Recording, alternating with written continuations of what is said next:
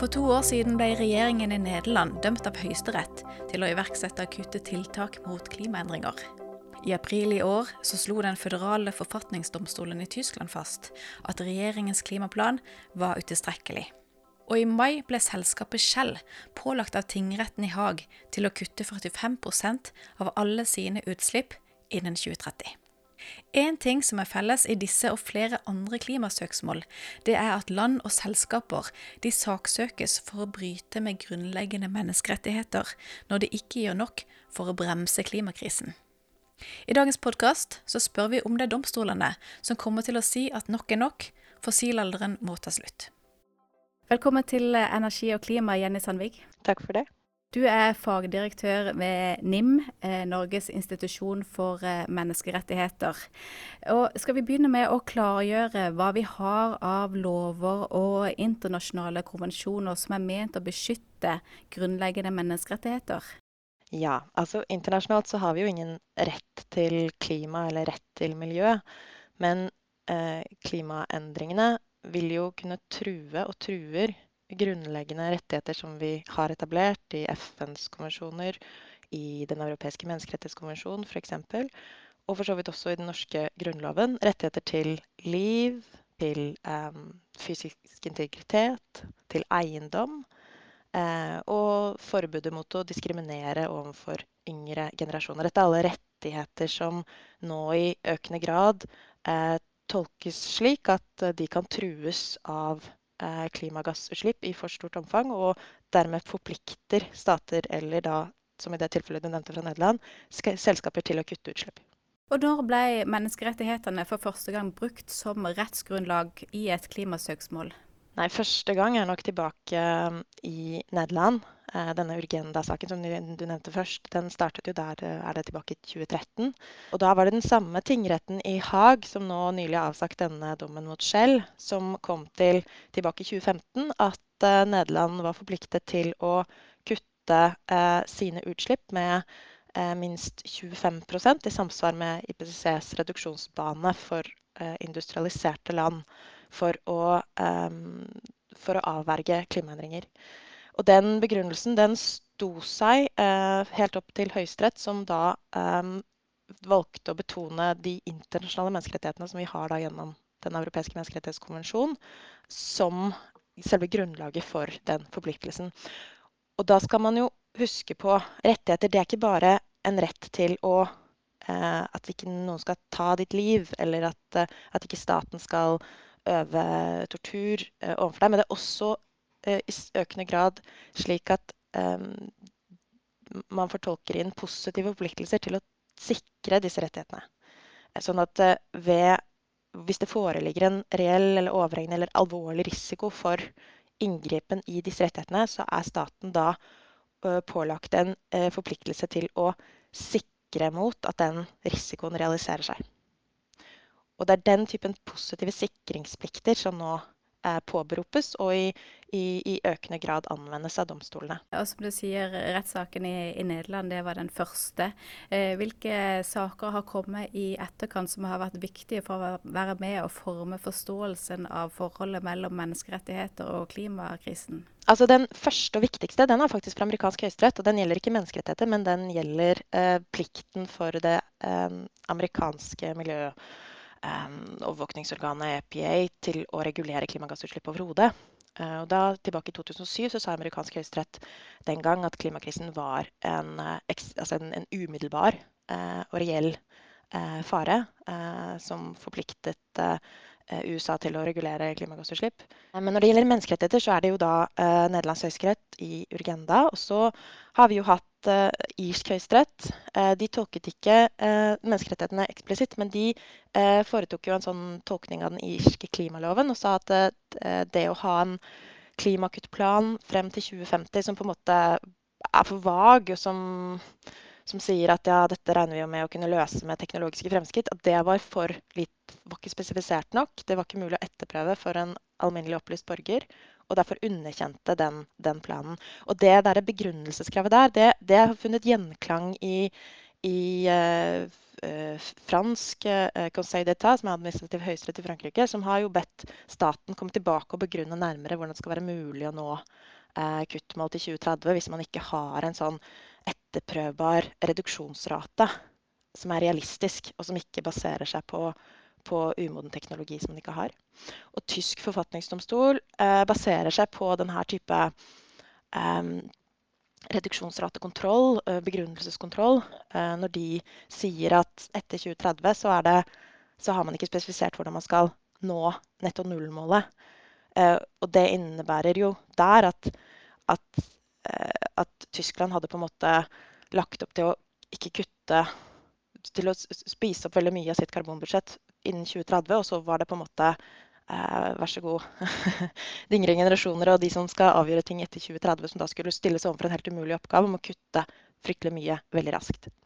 Så det er jo saker fra Europa. Og så har du jo eh, nå nylig, dagen etter den Shell-dommen fra Nederland, så avsa jo føderal domstol i Australia en viktig dom eh, hvor de etablerte en plikt, en aktsomhetsplikt for staten til å vurdere barns, hvordan barn eh, fysiske eh, integritet og liv vil trues av farlige klimaendringer hvis man gir tillatelse til ytterligere kullgruvedrift et sted som ville medføre store territorielle, men også eksporterte eh, utslipp. Ganske sober lesning, den avgjørelsen, men det er, det er virkelig en domstol som har, som har, satt seg ned med, med, med scenarioene og framskrivningene fra Australia. Og, og det står vel der et sted at dette er den største uretten noensinne påført fra en generasjon til den neste. Både som du sier her i Australia og i Tyskland, så handler det mye om rettighetene til kommende generasjoner, de som er barn og unge i dag, og de som ennå ikke er født. Hvor avgjørende er det for å bruke menneskerettighetene i disse typer saker? De som ennå ikke er født, har jo ikke egne rettigheter. Der er det jo en, en diskusjon, da, en teoretisk diskusjon omkring det, som er kjempespennende. Men, men sånn, sånn, sånn, som vi skrider frem nå, så, så, er jo disse svært alvorlige konsekvensene så nære at de affekterer jo allerede våre barn innenfor deres levetid. Eh, og sånn at eh, Det vi ser, er at flere domstoler både vektlegger barn og enkelte også fremtidige generasjoner. Og det er jo viktig fordi den tyske forfatningsdomstolen peker jo f.eks. på at, at um, i et sånt her tilfelle så er det av betydning å avgrense rommet for, for den politiske eh, handlefriheten for å sikre og verne handlefriheten i fremtiden. Eh, hvis vi har en helt um, ubegrenset handlefrihet til å slippe et utslipp i dag, så vil det irreversibelt påføre konsekvenser for uh, våre barn og de som kommer etter, som de ikke kan gjøre noe med. Normalt så, Vi snakker jo om at den, den, typen domstolskontroll at den har legitimitetsproblemer fordi dommere ikke er politisk valgt. Så de representerer ikke oss. Men her så er det jo snakk om at vi tar beslutninger som både påvirker oss, men som i sterkest grad vil påvirke de som ikke har noe du skulle ha sagt. Eh, og det er jo et aspekt ved, ved domstolskontroll på klimaområdet som er ganske særegent. Så det er de unge generasjoners rettigheter til å ta frie valg seinere som, som, rammes i, i, disse sakene? Ja, det er unge generasjoners uh, mulighet til å foreta en ordnet nedtrapping av klimagassutslipp. Det var det sentrale for, for tysk forfatningsdomstol. Det er unge generasjoners rett til å ikke miste livet i hetebølger, i store skogbranner. Det var det avgjørende i Australia. Og det er, det er unge menneskers eh, rett til å ja, til å kunne leve gode liv, da. Uten at vi på en måte forbruker hele det karbonbudsjettet som, som og, og, etterlater dem en helt umulig oppgave. Men samtidig så skal det jo understrekes at dette her er jo dypt politiske spørsmål. ikke sant? Fordi at det, det må jo, denne her typen viktige, store avgjørelser må jo være demokratisk fundert. Hvis ikke så får man jo også en, en, kan man jo få en stor backlash. Så, så det, er en, det, er jo alltid en, Domstoler balanserer alltid på grensen. Eh, de, de, og Det er derfor man ofte har sånn at, at doktriner som utvikler seg om at, om at eh, domstolen ikke skal gripe for langt inn, skal ikke detaljstyre. Og Det ser vi jo også mange, av, mange avgjørelser her. ikke Både både tysk forfatningsdomstol, men også nederlandsk høyesterett og, og, andre domstoler sier jo at, at de lovgivende myndigheter har et, et, en stor handlingsfrihet. Men så kommer domstolene inn og forbeholder seg en rett til å på en måte gripe inn der hvor der man klart overstiger en grense. Klimasøksmålene som vi har sett eh, verden over, de får jo mye oppmerksomhet. Og miljøorganisasjoner ser på det som viktige seire når de vinner fram. Eh, men søksmålene får også en del kritikk, særlig fra selskaper og politikere som mener at eh, nå er jussen på ville veier og går altfor langt inn i politikken. Hva tenker du om det, og hvor, hvor går grensa mellom juss og politikk i disse saker? Altså det at rettighetsjussen griper inn i politiske sfærer. Det er ikke nytt. Det er jo egentlig litt av poenget, er jo at man skal binde eh, folkevalgte forsamling til masten. At man har noen trinnhøyere normer, som vi sier, som på en måte skal eh, Som rammer inn det politiske handlingsrommet. Så det, det, har vi jo sett på mange områder, at, at domstolene da går inn og, og, og, på en måte streker opp noen ytre rammer som, som politikken da skjer innenfor for å ikke krenke mindretallets rettigheter. Ikke Hvis ikke så var det jo sånn at, at flertallet alltid kunne kjøre over mindretallet. Eh, men, men, rettighetene er der jo nettopp for å beskytte de som ikke har, eh, kan eh, trumfe gjennom sine interesser politisk.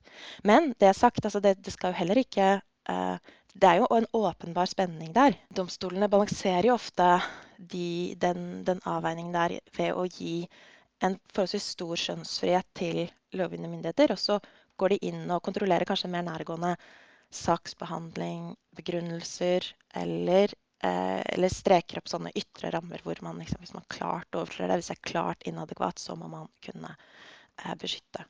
Normalt når vi snakker om rettighetskonflikter, så er det jo litt sånn min rett til å mene hva jeg vil, og din rett til ikke, at ikke jeg skal si ting som krenker ditt privatliv. ikke sant? Sånn da ser du hele tiden disse interessekonfliktene spille seg ut foran deg i sanntid. Mens med klimagassutslipp så er det jo litt sånn at, våre utslipp i dag eh, Vi får ikke merke følgene av de umiddelbart. Men det får andre, både i andre steder av verden, eller i andre steder av landet, og i en annen tid. Og i, i australsk føderaldomstol var jo veldig opptatt av det her med at ba, disse barna som vil skades av det her de, Det var spesielt det at sant, det er påregnelig at barn som vokser opp i Australia, vil ha minst én sykehusinnleggelse pga. heteslag gjennom sitt livsløp. Og at de barna er helt uskyldige i det. De har, ikke, de, har ikke, foretatt noen verken politiske valg eller andre valg. Det, det er jo påført dem av voksengenerasjonen og de som kom før. Men så er det de som skal bære denne skaden. Og da, som et minstemål så måtte da staten vurdere hensyn til dem eh, hvis de skal fasilitere ytterligere utslipp, vel vitende om hvor farlige disse klimaendringene vil, vil bli. Men det at det ikke er samsvar mellom verken tid eller sted, gjør det også muligheten for at hvem som helst kan stille hvilket som helst land eller hvilket som helst selskap for retten? Ja, Det er jo et uh, veldig godt spørsmål. Um, sånn som på en måte rettsreglene er i dag. Så det er ikke mulig i Grunnloven f.eks. Det har Høyesterett gjort klart. At, at den, eh, den, bestemmelsen den omfatter virkningene av forbrenningsutslipp fra norsk olje og gass, men, men da virkningen i Norge. Så ikke skade utenfor Norge. Når det gjelder rettighetene etter Den europeiske menneskerettighetskonvensjon, eh, så er det der et, et spørsmål. Altså der må man jo først få autoritativt fastslått hvorvidt det kommer til anvendelse på klima. Men hvis, hvis EMD følger tysk og nederlandsk høyesterett her, så, så, er det jo da et spørsmål om, om det da vil omfatte eksportert importert utslipp, om det vil omfatte virkninger i utlandet. Og det får vi jo klarlagt i den portugisiske saken. Det er en klagesak fra seks barn og unge i Portugal eh, mot 33 europeiske stater, hvor de mener at eh, man ikke gjør nok for å avverge halvannen grads oppvarming, og at det vil kunne få livstruende helsefarlige konsekvenser for dem i dag og over hele deres levetid. Men det er jo mange, mange prosessuelle hindre der som den skal over før domstolen helt tatt kommer til det, det spørsmålet. Men det er jo Det fins jo noen holdepunkter som kan tilsi at man kan få en sånn rettsutvikling. Bl.a. den tyske forfatningsdomstolen, som jo slapp inn klager fra Nepal og Bangladesh. Eh, og som sa at tok ikke endelig stilling til om staten kunne ha en forpliktelse overfor dem, men, men, som sa at det er jo en possible connecting factor her. Og det er ja, Nå skriver ikke den tyske domstolen tysk, men det er en engelsk oversettelse. Uh, at klimagassutslipp fra Tyskland delvis påvirker uh, menneskerettighetsbrudd i Nepal og Bangladesh. Men så sa de at en sånn forpliktelse kan i hvert fall ikke omfatte en plikt til adaptation. Altså det må, være, det må i så fall være å kutte utslipp. Men, men det, samtidig, dette vil jo kunne bli veldig omfattende forpliktelser. Um, og sånn som Den europeiske menneskerettighetsdomstol har gjort tidligere i, i jurisdiksjonssaker, da, som er, det her er et spørsmål om, altså har man jurisdiksjon eller ikke, så har det jo vært eh, har man jo vekket tilbake fra tolkninger som innebærer en, en altfor uh, ubegrenset forpliktelse for statene. Så hvorvidt vi vil kunne se den typen søksmål fra alle andre det, og fra alle steder i verden, det, det tør jeg ikke å si det, det er, ikke sant, det er, Juryen er ute der. Men jeg vil jo tro at, at uh, slaget står nok mer om hvilken, hvilken, beskyttelsesplikt man har som stat overfor sine egne innbyggere, i første omgang i hvert fall. Hvis vi skrur tiden fem år frem og da ser tilbake igjen på hvilken rolle domstolene har spilt for å bremse klimakrisen, hva kan vi forvente? Den første utviklingen her har jo vært mange saker mot stater, og det kommer nok til å fortsette. Um, og så har vi uh, disse sakene mot selskaper som nå begynner å, å, å, å dra seg til. Altså, du har den avgjørelsen mot Shell, som du nevnte, hvor, hvor Shell er dømt til å kutte sine utslipp med minst 45% over hele verdikjeden, inklusiv forbrenningsutslipp. Og fra alle sine selskaper, altså 1100 selskaper i hele verden, inklusiv på norsk sokkel, hvor de vel er største operatør. Og med umiddelbar virkning. Selv om den blir anket, så er kuttforpliktelsen gitt med umiddelbar virkning. Det baserer domstolen på en ulovfestet aktsomhetsplikt, altså en, en, plikt til å ikke opptre i strid med alminnelige sosial, sosialt aksepterte normer. Og det er en type sånn um, erstatningsgrunnlag som man har i uh, veldig mange land, inklusive Norge, og som er domstolskapt. Uh, vokste frem på um, 1800-tallet som svar på den uholdbare risikoen som industrialiseringen påførte sitt nærmiljø. I Norge så går det en nitroglysefabrikk eh, i lufta, og så eh, oppstiller Høyesterett et strengt erstatningsansvar. Ikke fordi bedriften var ulovlig, var, var fullt lovlig, men bedriften tjente penger på en helt uholdbar risiko. Som når den risikoen materialiserte seg for naboene, så var det bedriften som bar erstatningsansvaret. Den typen eh, aktsomhetsplikt, da, det er jo det, det, er jo det den domstolen i Nederland eh, bygger på. Og, en, og for å fylle den normen, så er det spørsmål om hva, hva er det som er sosialt akseptabelt. Og da ser de hen til eh, menneskerettighetene. De ser hen til de menneskerettighetene som selskaper skal etterleve etter sånne internasjonale standarder. Eh, og de ser hen til FNs klimapanel, scenarioer osv. Eh, for hva som er nødvendig for å avverge halvannengrads oppvarming. Og da kommer de til at det å legge seg på en annen reduksjonsbane for utslipp som man kan kontrollere, som, som ikke er på, på, det minimumsnivået som skal til for å nå halvannengradersmålet, ja, det vil være i strid med en sånn aktsomhetsnorm.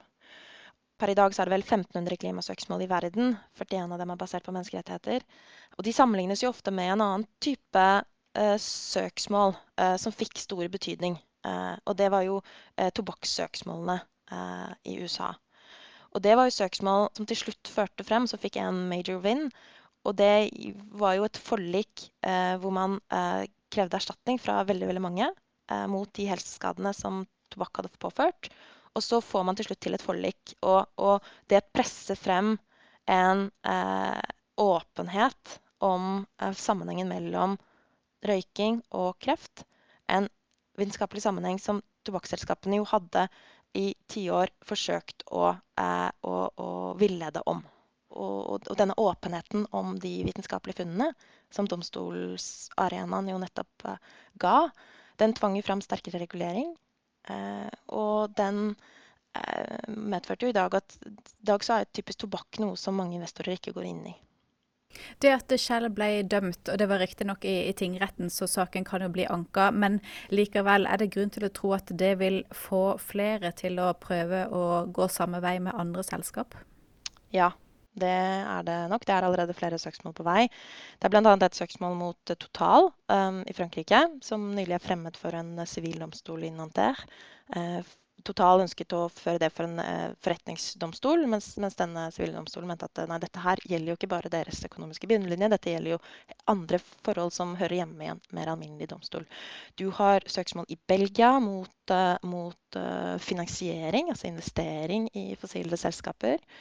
Eh, og du har jo en uh, rekke søksmål i USA um, mot selskaper, um, ikke på menneskerettighetsgrunnlag, men på sånn aktsomhetsgrunnlag. Altså uh, fra kystbyer i California mot en rekke store olje- og gasselskaper, hvor de krever erstattet kostnader til å sikre mot havnivåstigning. Og basert på at disse selskapene gjennom ti år har villedet opinionen om hvor farlig klimaendringene vil kunne være. Så den typen søksmål tror jeg man vil få se eh, mer av. Eh, absolutt. Og Hva kan vi forvente både den norske stat og norske selskaper? De, de rettsregler som den nederlandske tingretten bygger på, vi har tilsvarende rettsregler her i Norge. Så det er ikke i prinsippet noe som hindrer en sånn type sak fra å kunne føre frem her i Norge. Um, men det må i så fall gjøres. Um, men uansett så tror jeg jo at, at signalvirkningen her kan være vel så viktig. Fordi uh, det vi jo ser gjennom EUs taksonomi og gjennom eh, den åpenhetsloven som Stortinget kommer til å vedta nå denne uken, det er jo at selskapene selv har en selvstendig forpliktelse til å respektere menneskerettighetene. Selv om menneskerettigheter er noe som på en måte påligger statene, så er jo dette noe som selskapene selv skal respektere og unngå å gripe inn i. Sånn som eh, retten til liv nå eh, eh, tolkes, f.eks. Eh, retten til liv er jo omfattet av disse grunnleggende rettighetene som selskapene skal respektere. Eh, og, og, retten til eh, fysisk integritet, helse, privatliv. Eh, det er de menneskerettighetene som den domstolen i Haag baserer seg på. Um, og, og, EUs taksonomi henviser jo til disse rettighetene som minimum safeguards. Sånn at hvis det etableres enda mer autoritativt, at, at de at, at, de rettighetene vil krenkes ved reduksjonsbaner som er mindre, eh, som ikke er i samsvar med halvannengradersmålet, så kan jo det medføre at man da utdefinerer selskaper f.eks. fra taksonomien. Så jeg tror nok at den store betydningen her er nok snarere kanskje på investornivå. Eller at, vil, at det vil um, sette merkelapper, rett og slett. Kan vi se for oss at det domstolene nå, gjør de nærmeste årene, blir så viktig at det er til syvende og sist domstolene som egentlig setter slutt, uh, sluttpunktet for, for fossilalderen? Jeg tror nok det kommer til å være mange, mange aktører med i det. Uh, og det er jo en I hvert fall for Norges del så er jo dette dypt politiske spørsmål. Men Høyesterett sier jo at grunnlov 112 uh, av hensyn til klima vil kunne gi rett og plikt til å nekte å utvinne olje og gass som er lokalisert. Uh, så at, at, disse rettighetene setter en skranke, det er altså en grense. Og at domstolene, Det som skiller domstoler fra andre myndigheter, er jo at de har plikt til å avgjøre saker som kommer på deres bord. De kan ikke opportunt si nei, det vil vi ikke ta stilling til. De har plikt til å avgjøre de saker som kommer. Det som var veldig interessant å se fra Tyskland, for eksempel, er jo at her får du en, en monumental avgjørelse fra forfatningsdomstolen som sier at dere, staten, krenker rettighetene til disse unge saksøkerne i dag fordi at dere påfører en uforholdsmessig stor reduksjonsbyrde på dem. Uh, uten å ta noen føre-var-tiltak ved å spesifisere hva slags kutt det skal være. Og så sier de da at derfor er klimaloven gyldig. De sier egentlig ikke at klimakuttmålet på 55% innen 2030 var, var, i strid med Grunnloven. De sa heller ikke at, at eh, netto null-nivået innen 2050 var i strid med Grunnloven. Men blir, avgjørelsen blir umiddelbart omfavnet fra store deler av det politiske spektrumet. Regjeringen er raskt ute, foreslår skjerpede klimakuttmål for 2030 til 65% og fremskynder netto null til 2045. Og det eh, går igjennom. Man kan nesten lure på om om det at noe på en måte heves litt utenfor debatt. da, Upopulære avgjørelser som man er nødt til å ta. At det, i hvert fall sånn som det spilte seg ut der i Tyskland, så så det ut til å være en ganske sånn vellykket samhandling eh, da, mellom en domstolsmakt som ikke trenger å ta kortsiktig hensyn, og som på en måte satte de strekene i sanden. Og så eh, var det det rommet som politikken kunne agere innenfor, og så gjorde de det. Men det er klart at man balanserer hele tiden på knivsengen her. fordi at er de urepresenterte interessene er jo nettopp ikke representert. ikke sant? Det er jo til syvende og sist vi som er voksne i dag, som avgjør hvordan vi skal løse dette. Hvordan vil dere i NIM arbeide med temaet menneskerettigheter og klimakrisen fremover? Nei, eh, NIM vi jobber mye med dette. Eh, og vi jobber mye med dette ut fra en forståelse av at det er de svakeste og det er de minste blant oss som vil bære disse kostnadene i størst grad. Og de har ingen egen stemme her.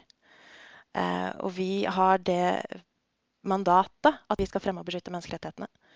Og det gjør at vi dette, dette, er ikke våre ord, men dette er Høykommissæren for menneskerettigheter. Dette, klimakrisen er den største trusselen mot menneskerettighetene, slik Høykommissæren ser det.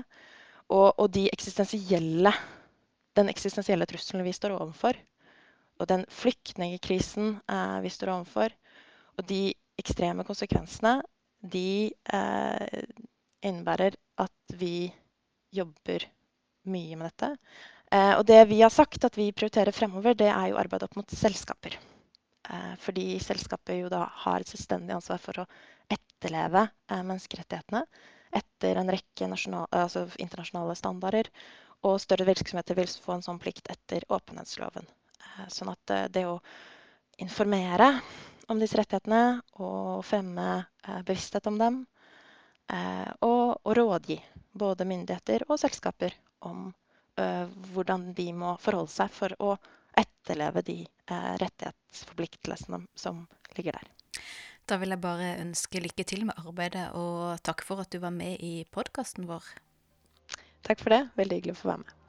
Takk også til du som lytter på, og abonner gjerne på Energi og klima i din foretrukne podkastspiller. Takk for i dag.